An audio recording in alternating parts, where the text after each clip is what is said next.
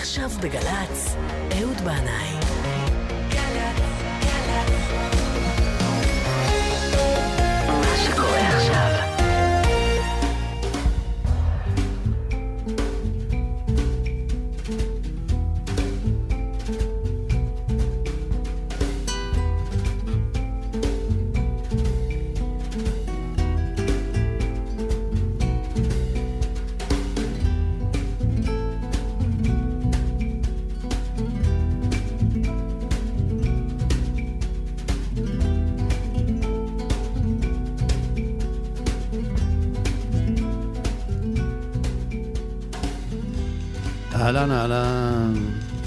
שלום לכם. אתם יודעים שעוד כמה שעות הולך לרדת ערב יום הכיפורים על העולם כולו. וזה לא משנה אם אתה דתי, חילוני, חידתי, חרדתי. לא משנה אם אתה צם או לא צם, אולי אתה לא פה ולא שם. בכל מקרה, לכולם באשר הם שם זוהי שעת רצון. זה גם יום הכיפורים וגם שבת. שבת שבתון. התכנסות בתוך התכנסות, צלילה אל תוך הפנימיות של הבית, המשפחה, השכונה. אז uh, שימו לב אל הנשמה, זה הזמן הנכון. לקחת לילה אחד ויום אחד הפסקה מהמרוץ, לקחת אוויר, להקשיב ללב, להתבונן ברגע החולף, לחזור אל נקודת המוצא ולהתחיל שוב מההתחלה את הסיפור של החיים על דף חלק ונקי, מחברת חדשה.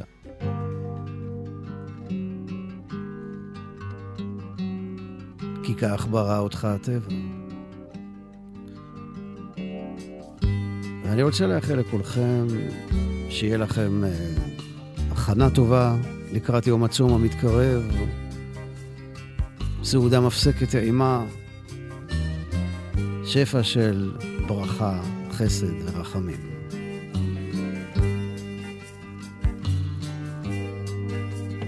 אנחנו עם ארז הלוי.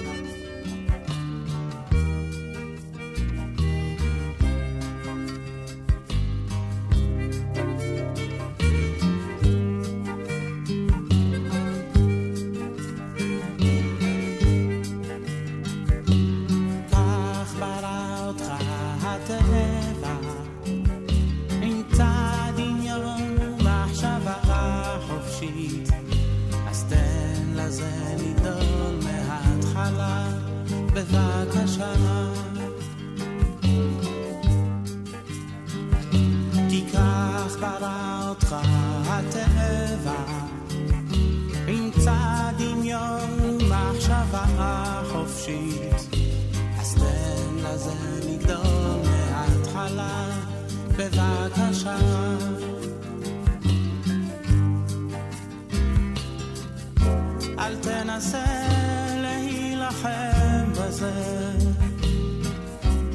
תן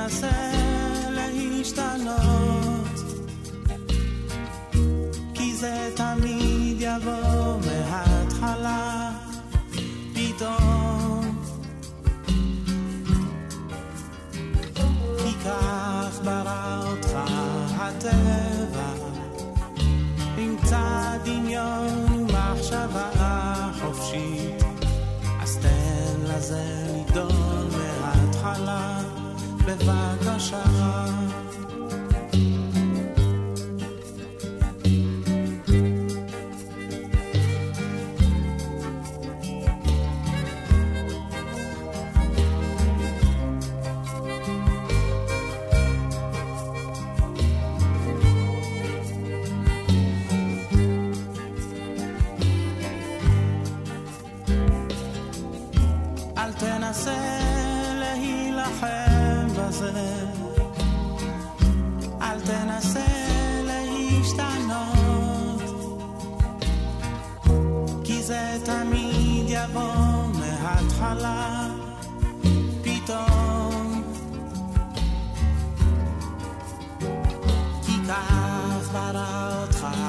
to have.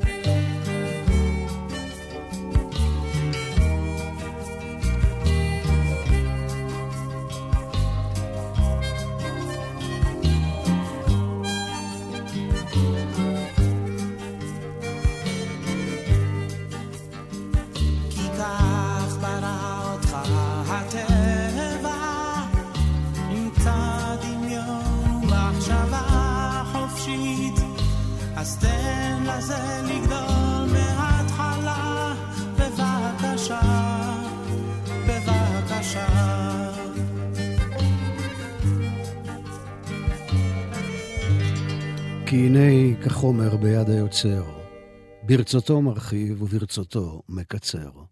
כן, אנחנו בידך חסד נוצר, לברית הבט, ואל תפן ליצר.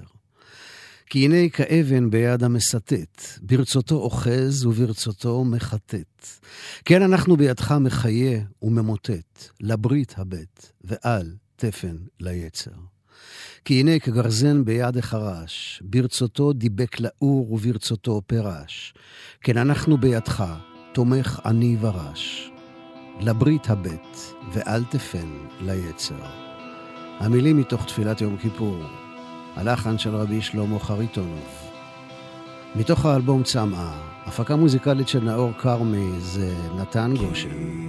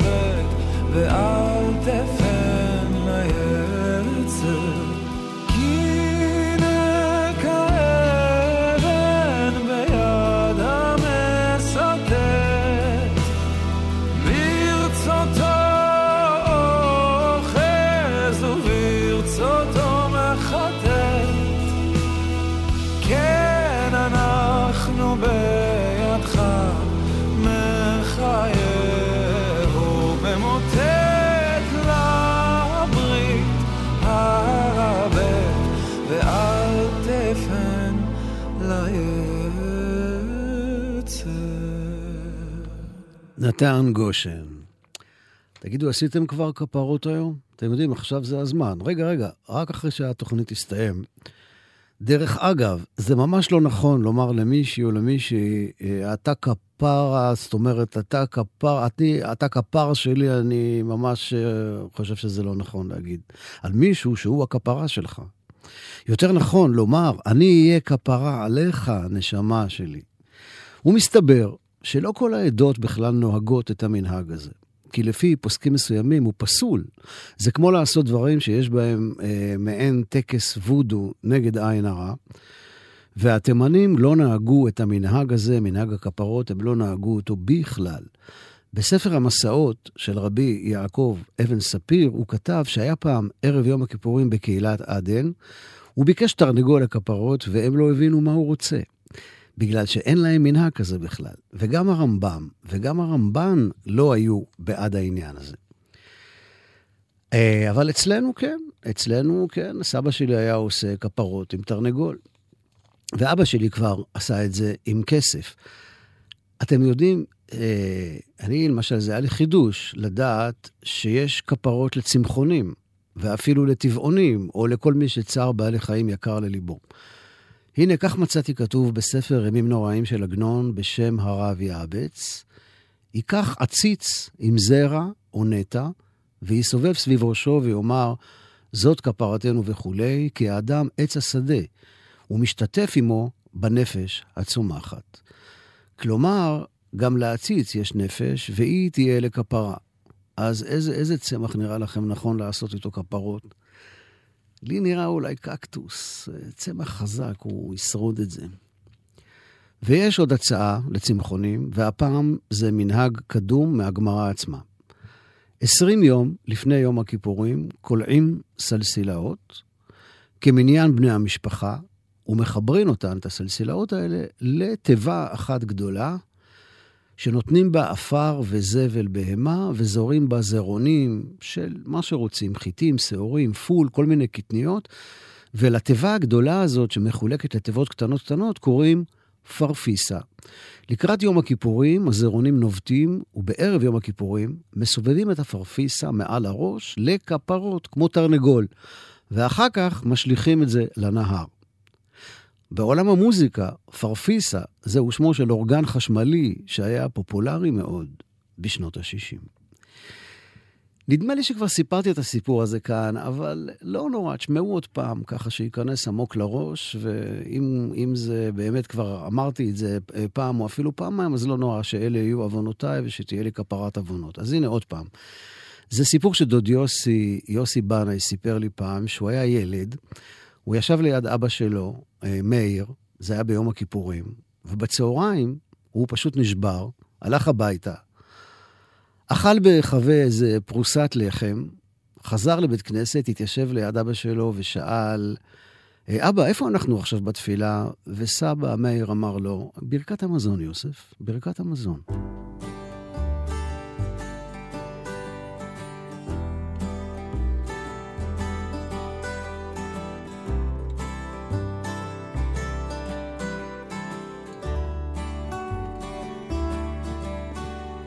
בסתיו תמיד בסתיו,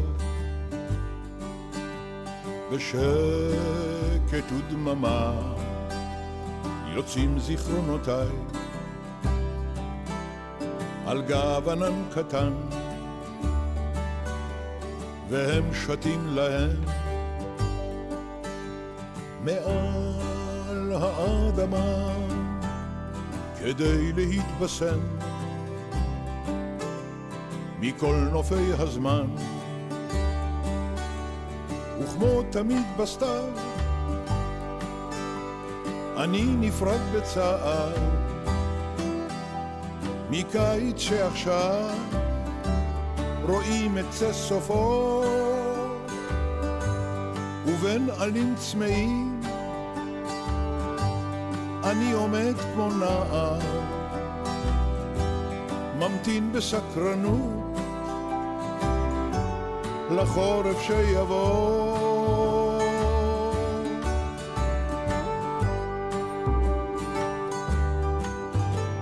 אני זוכר תרנגול כפרות, ציפור קטנה על גל, מלאכים מטיילים על קירו, מפה לבנה בכל חג, בכל חג.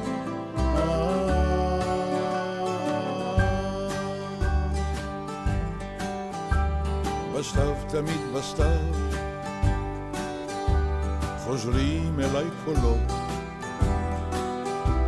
שעם הזמן חלפו, עבדו כבר ואינם,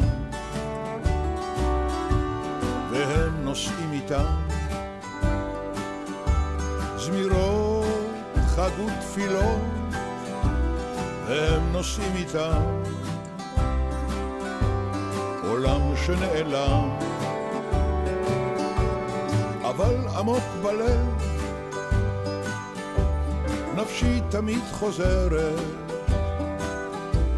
אל דוכנים של שוק וממתקי סוכר, רומנסות רחוקות, שאריות מסורת וארמונים של אש בטעם חורף קר.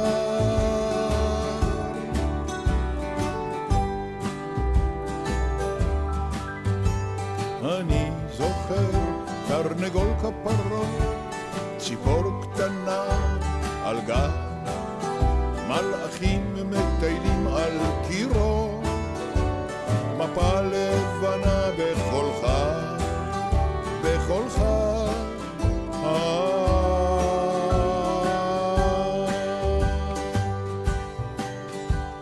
בסתיו, תמיד בסתיו, אבי חוזר בשקט, מארץ הדממה, כולו מאיר פנים,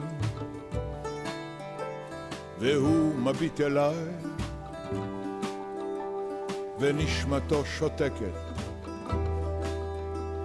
ושוב עושה דרכו אל קץ כל הימים,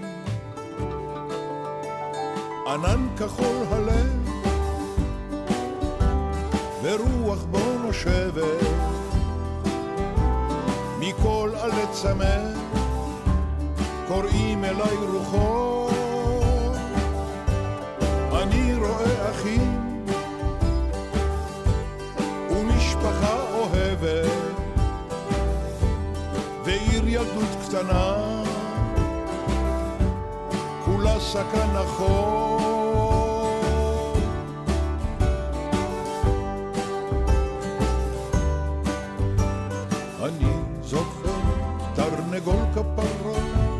ציפור קטנה על גב, מלאכים מטיילים על קירו, מפה לבנה בחולך,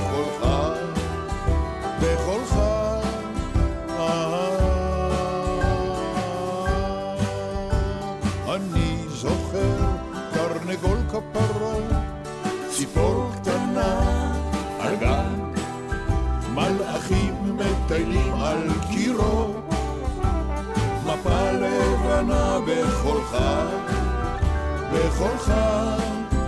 מפה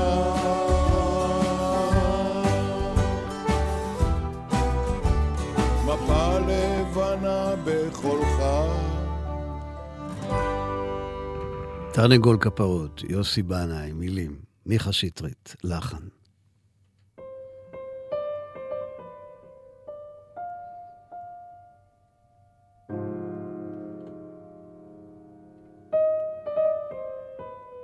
פעם אחת, בערב יום הכיפורים, אמר הרב הצדיק, רבי אלימלך מליזנסק, זיכרונו לברכה, לתלמידיו, רצונכם לדעת איך עושים בערב יום הכיפורים?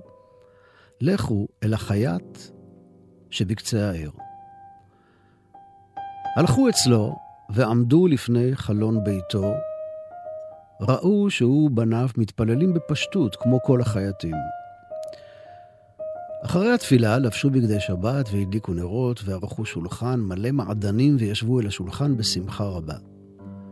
הוציא החייט מהארון ספר אחד, שהיה כתוב בו כל העבירות שעשה במשך השנה, מיום הכיפורים שעבר עד יום הכיפורים הזה, ואמר, ריבונו של עולם, היום הגיע הזמן לעשות בינינו חשבון על כל העבירות שעשינו, שזמן כפרה הוא לכל ישראל. מיד התחיל לחשוב ולמנות את כל העבירות שעשה במשך השנה, שכולן היו נרשמות בספר הזיכרון הזה.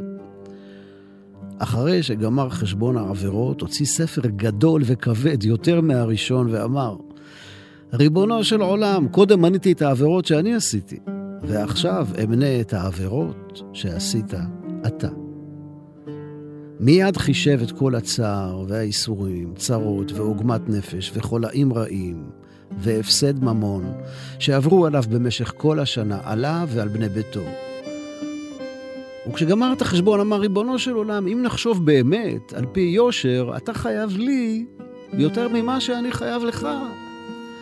אבל אני לא רוצה לדקדק איתך בחשבון מדוקדק, כי הלא ערב יום הכיפורים היום, וכל אחד צריך להתפייס עם חברו. לכן, אנחנו מוחלים לך על כל העבירות שעשית לנו, וגם אתה תמחול לנו על כל העבירות שחטאנו לך. מזה כוס יין שרוף וברך שהכל, ואמר בקול רם לחיים, ריבונו של עולם, הננו מוכלים זה לזה, כל מה שחטאנו איש לרעהו, וכל העבירות, הן שלנו והן שלך, בטלות ומבוטלות כאילו לא היו. ואחר כך אכלו ושתו בשמחה רבה מאוד. חזרו התלמידים אצל רבם, וסיפרו לו כל מה שראו ושמעו, ואמרו שדברי החייט דברים קשים הם, וחוצפה יתרה כלפי מעלה. אמר להם רבם, דעו לכם שהקדוש ברוך הוא, בכבודו ובעצמו, עם כל הפמליה של מעלה, באים לשמוע את דבריו של החייט, הנאמרים בפשטות גדולה, ומדבריו נעשה רצון ושמחה בכל העולמות.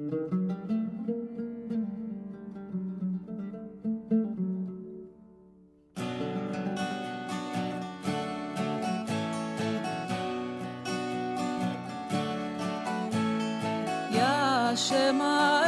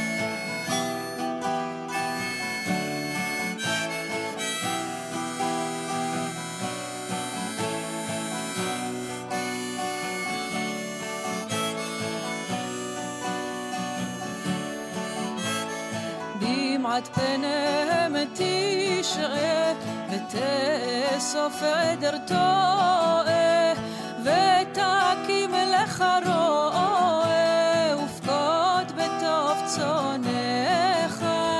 יה שמא אביונך,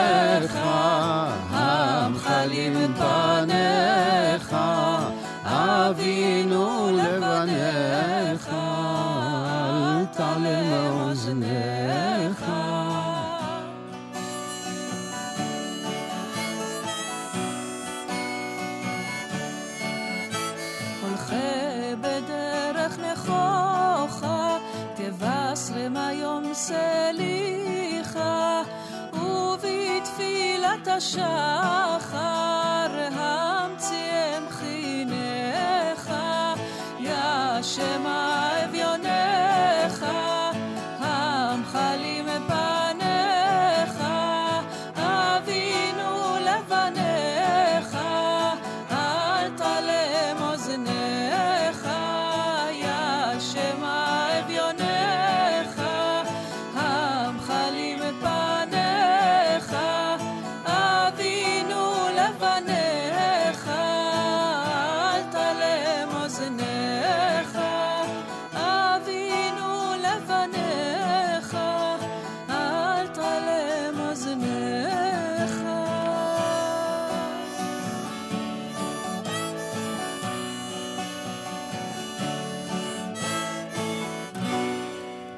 יא שמה אביונך. המילים של רבי יהודה הלוי, הלחן עממי והשירה של מורה נהדר. הקטע הזה הוקלט כאן באולפני גלי צה"ל בשנת 2015, ותודו שהמפוחית שנכנסת לשם היא מפתיעה, כאילו מגיעה מעולם אחר, וזה מקסים בעיניי. אגב, אני לא מצאתי קרדיט למי מנגן שם מפוחית. זה לא אני לצערי, אולי זה בוב דילן שעבר כאן במקרה אה, בסביבה בדרכו לאכול חומוס אצל אבו חסן. סעודה מפסקת, כמובן.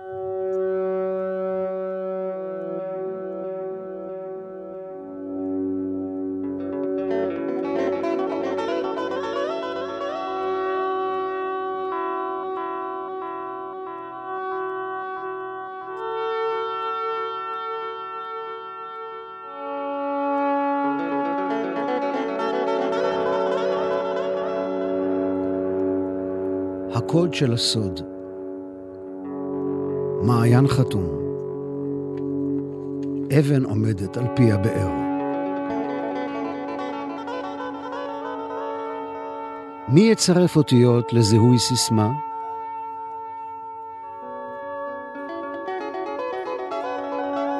ומי יודע מי? ומי יודע מה? הסוד של הקוד לא מפסיק לצעוד. עוד ועוד, עוד ועוד. נלחש מפה לאוזן, בניגון דממה. ומי יודע מי? ומי יודע מה?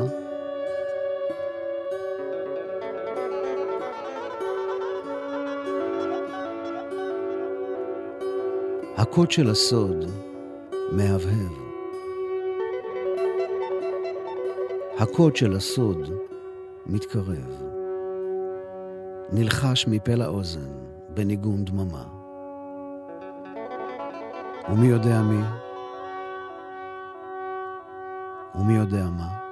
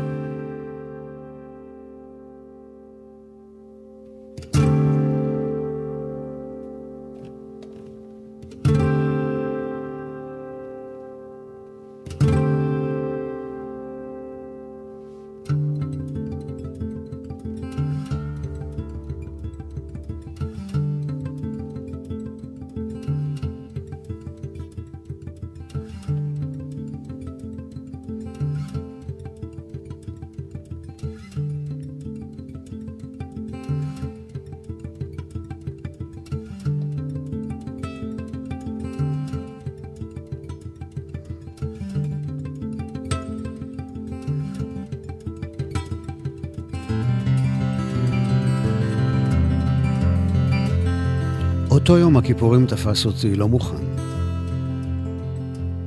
גרתי אז בצריף קטן בוואדי גלילי. ישבתי לנוח קצת אחרי שמרחתי זפת קרה על גג הפח, ופרסתי עליו יריות ניילון, הכנה לקראת הגשם הקרב. ופתאום, פתאום נחת עליי, תוך כדי עיון אקראי בלוח שנה, שהערב זה ערב יום הכיפורים. הצום מתחיל בעוד כשעתיים, ואני בכלל לא ידעתי. אז מה עושים עכשיו? להגיע לבית ההורים בגבעתיים או לבית הכנסת בירושלים בטח כבר לא אספיק. להיכנס לבית הכנסת של הכפר אני לא יכול. אין לי לבוש הולם ולא חולצה לבנה, רק איזה ג'ינס בלוי וקרוע. ואיך אבוא בקהל הקהל הקדוש עם ברכיים חשופות בין הקרעים? והם הרי אנשים מהיישוב המסורתי, ואני, אני ביטניק חידתי. אם לפחות היה לי סידור ליום הכיפורים, הייתי מתפלל כאן לבד, בצריף, אבל אין לי סידור. ומה אני זוכר בעל פה מהתפילה? לא הרבה. קצת אלי תשוקתי, קצת אל נורא עלילה. זמן כניסת החג הולך ומתקרב, אבל אני עדיין לא ידעתי מה לעשות. להיכנס לזה או לא להיכנס לזה. האם אני באמת רוצה לצום, או שאני עושה את זה בגלל איזה פחד? מה יגידו? בעיקר מה יגידו עליי בשמיים. כי למרות אורח חיי המבולבל ומצבי המעורפל, הייתה בי מידה מסוימת של יראת שמיים. היה לי קצת לחם, קופסת סרדינים, שתי עגבניות וחצי בצל, וקצת זיתים. אז אכלתי סעודה מפסקת ואמרתי לעצמי שאזרום בעניין היום והצום. בינתיים ירד הלילה, נדלקו הכוכבים, סתיו הולך ומתגבר באוויר, הרוח נושבת בענפי עצי הזית שיש עליהם מפרי הזית הירוק שפה ושם כבר משחיר. ואני, אני הרגשתי כמו חסיד בסיפור של הבעל שם טוב, שנקלע ליער בערב יום הכיפורים, פרס את כותנתו על האדמה, אכל את המעט שהיה לו בתרמילו, והיות ולא זכר את מילות התפילה, וסידור אין עמו, המהם בקולו שברי מילים, רסיסי אותיות, קטעי ניגונים, הוסיף לזה את המיית הלב, ועלתה תפילתו מעל לעצי היער אל שמי הכוכבים, ויש אומרים שעד היום שומעים אותה המלאכים.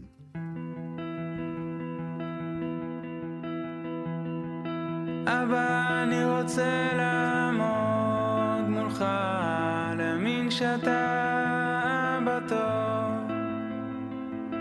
אבא, אני צריך לדעת שאתה אוהב אותי, ככה סתם, אבא טוב.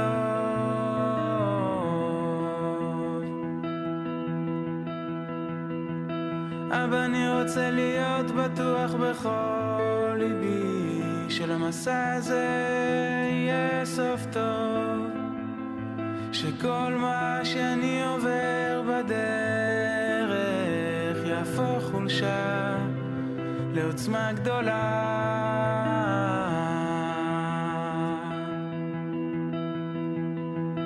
אבא, אני רוצה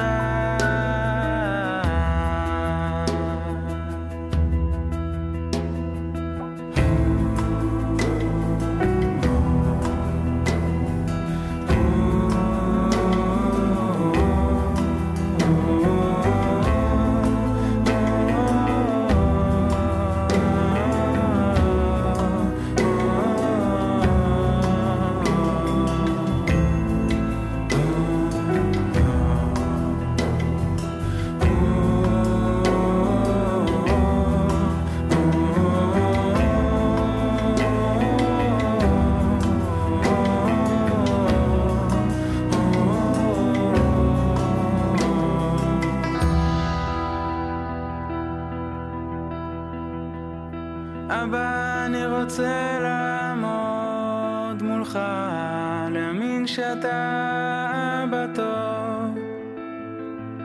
אבא, אני צריך לדעת שאתה אוהב אותי, ככה סתם, אבא טוב.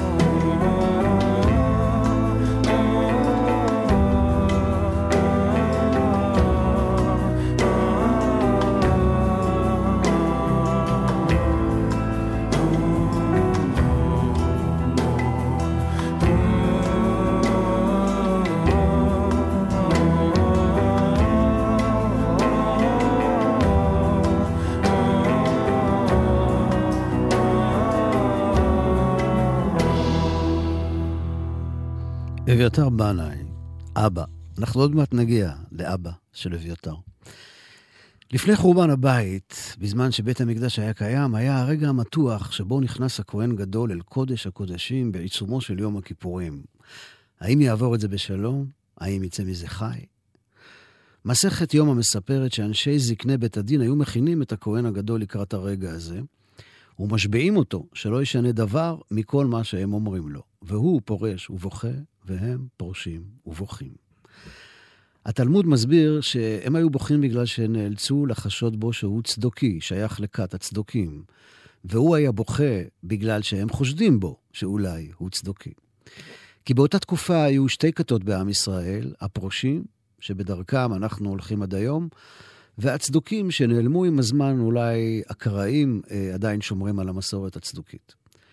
לפי השיטה הצדוקית, הכהן הגדול היה מדליק את ענן הקטורת מחוץ לקודש הקודשים, ונכנס אל קודש הקודשים כשהוא אפוף בעשן הקטורת. לפי השיטה הפרושית, הכהן הגדול היה נכנס אל קודש הקודשים, ורק שם בפנים היה מדליק את ענן הקטורת. מה ההבדל בין השיטות האלה?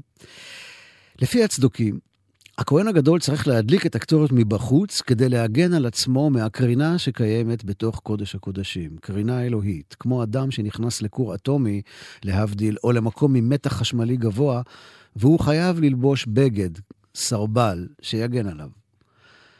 ואילו הצדוקים, אה, הפרושים, סליחה, הפרושים סוברים שהכהן הגדול יכול להיכנס ללא חשש אל קודש הקודשים. אין שם התגלות אלוהית דרך קבע, ורק נוכחותו האנושית של הכהן הגדול וענן הקטורת שהוא בעצמו מדליק ומעלה, זה מה שגורם להשראה האלוהית. אביתר שר לאבא, אז הנה, אבא שלו, ושל מאיר, ושל אורנה, דוד יצחק היקר, עד מאוד.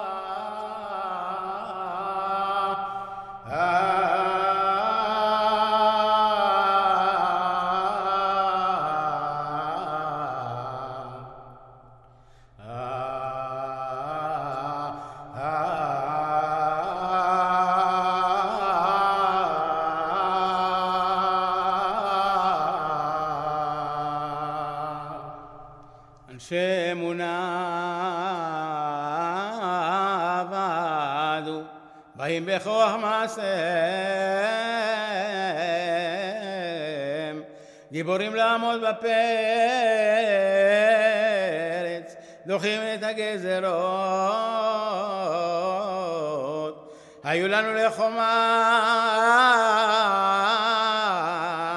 ולמחסה ביום זעם. זו אחימה בלחשם, הם עצרו בשבם. טרם קראוך ניתם, יודעים לעתור ולרצות. כי ריחמת למענם,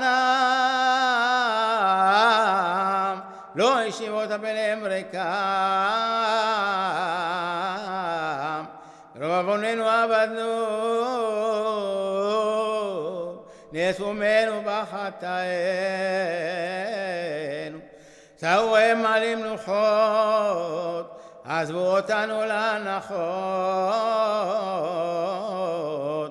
פסו גודל גדר, צומתו משיביכם בפרץ עין, ראויים לרזך עפס. שוטטנו בארבע פינות, תרופה לא מצאנו. שבנו אליך בבושת פנינו, לשחרך אל בית צליחתנו. אנשי אמונה עבדו. יצחק בנאי. בכל יום כיפורים אי אפשר שלא להיזכר ביום הכיפורים ההוא, שבו פרצה המלחמה שקיבלה אחר כך את השם מלחמת יום הכיפורים. המלחמה הזאת טלטלה את בני הדור שלי טלטלה עצומה. אני הייתי אז חייל בסדיר בשירות הנחל בקיבוץ ניר אליהו. חלק ניכר מבני הגרעין אה, שלי היו בחזית ברמת הגולן. בני ברק, שלמד איתי בבית ספר היסודי, והיינו יחד באותה קבוצה בתנועת הנוער העובד והלומד, כן, בורחוב, גבעתיים. בני החייכן, מאיר הפנים, נהרג ביום השני למלחמה ליד תל סאקי. שנים אחר כך אנחנו נפגשים כל חברי הגרעין בערב יום הזיכרון בבית הוריו של בני, שעברו לגור בקיבוץ אחרי המלחמה ההיא. בינתיים גם הוריו של בני הלכו לעולמם, אבל את בני ברק אנחנו תמיד נזכור, הנסיך הקטן של גרעין שונית.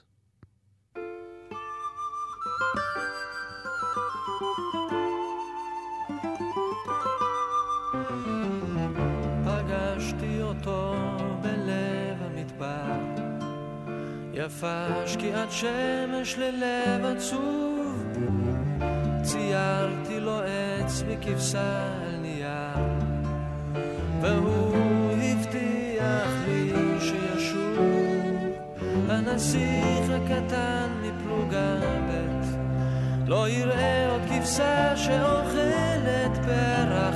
בכל שושנה בין קוצים שעט, וליבו הקטן קפא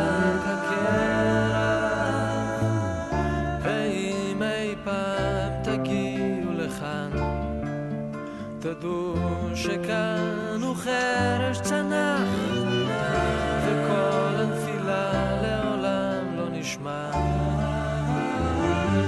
בגלל החול הרך, והיין יופיע שם ילד אחד, שפניו צוחקות ושיער לו זהב, תדעו שזה הוא והושיטו זה יד, ולטפו את אבק המדבר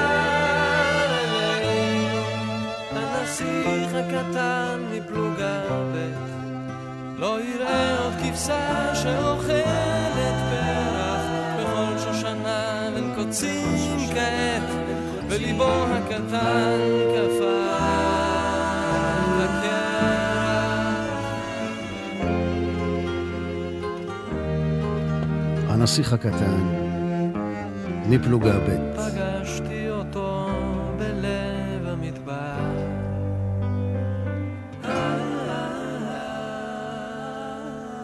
שם טוב לוי, שם טוב לוי, עם קצת אחרת.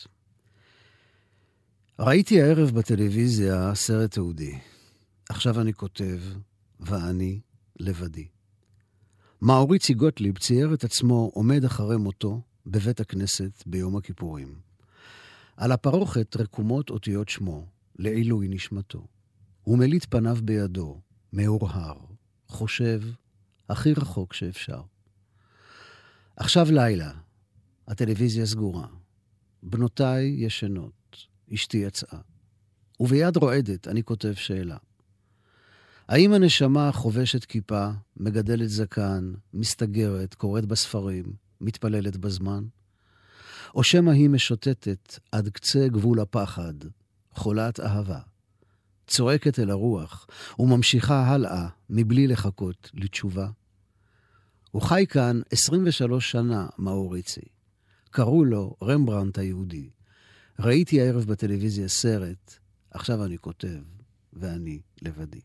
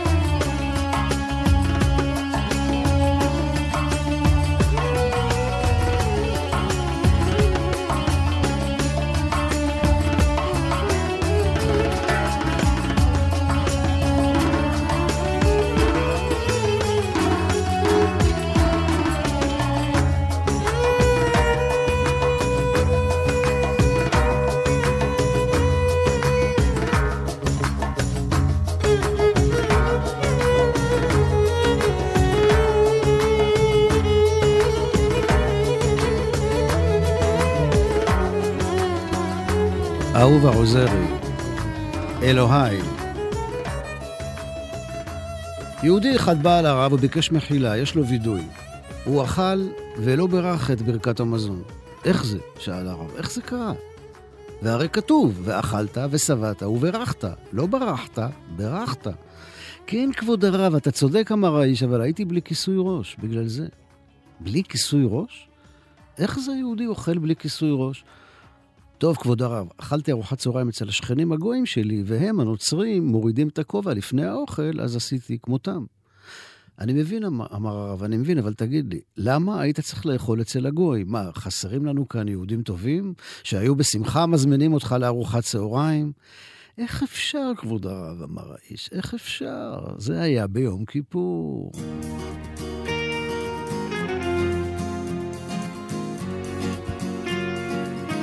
אז המציא לנו מחילה, בשעת הנעילה, אל נורא עלילה, מאיר בנאי. אל נורא עלילה, אל נורא עלילה, המצילנו מחילה, בשעת הנעילה.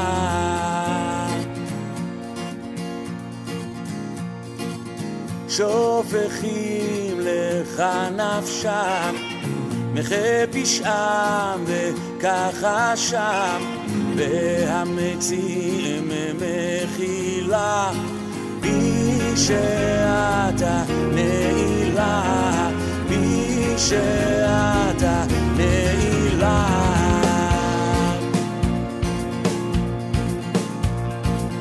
חונותם וכל לוחץ וכל לוחץ, עשה בהם בלילה, בי שאתה נעילה, בי שאתה נעילה.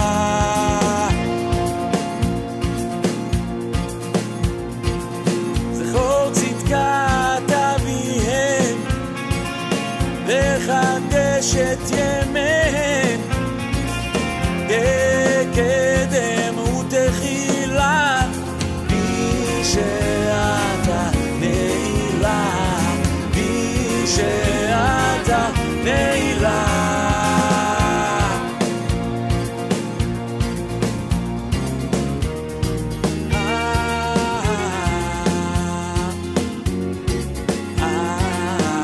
אני רוצה לומר תודה לכפיר זנדברג על הניהול הטכני. תודה רבה לשיר הדס מאיר, הניהול להפקה. תודה רבה לכם, מאזינים יקרים, מאזינות יקרות על ההאזנה. היי, שתזכו לשנים רבות. הבנים והאבות, גם הבנות והאימהות. יהיה רצון שיהיה זה יום של חסד, ברכה ואורה לכולכם, באשר אתם שם. כל טוב. סלמה. מיד אחרינו ישודר כאן מופע פיוטים במסורת יהודי לוב. מיכאל שר ישראל, אליהו וגבריאל, בשרו נא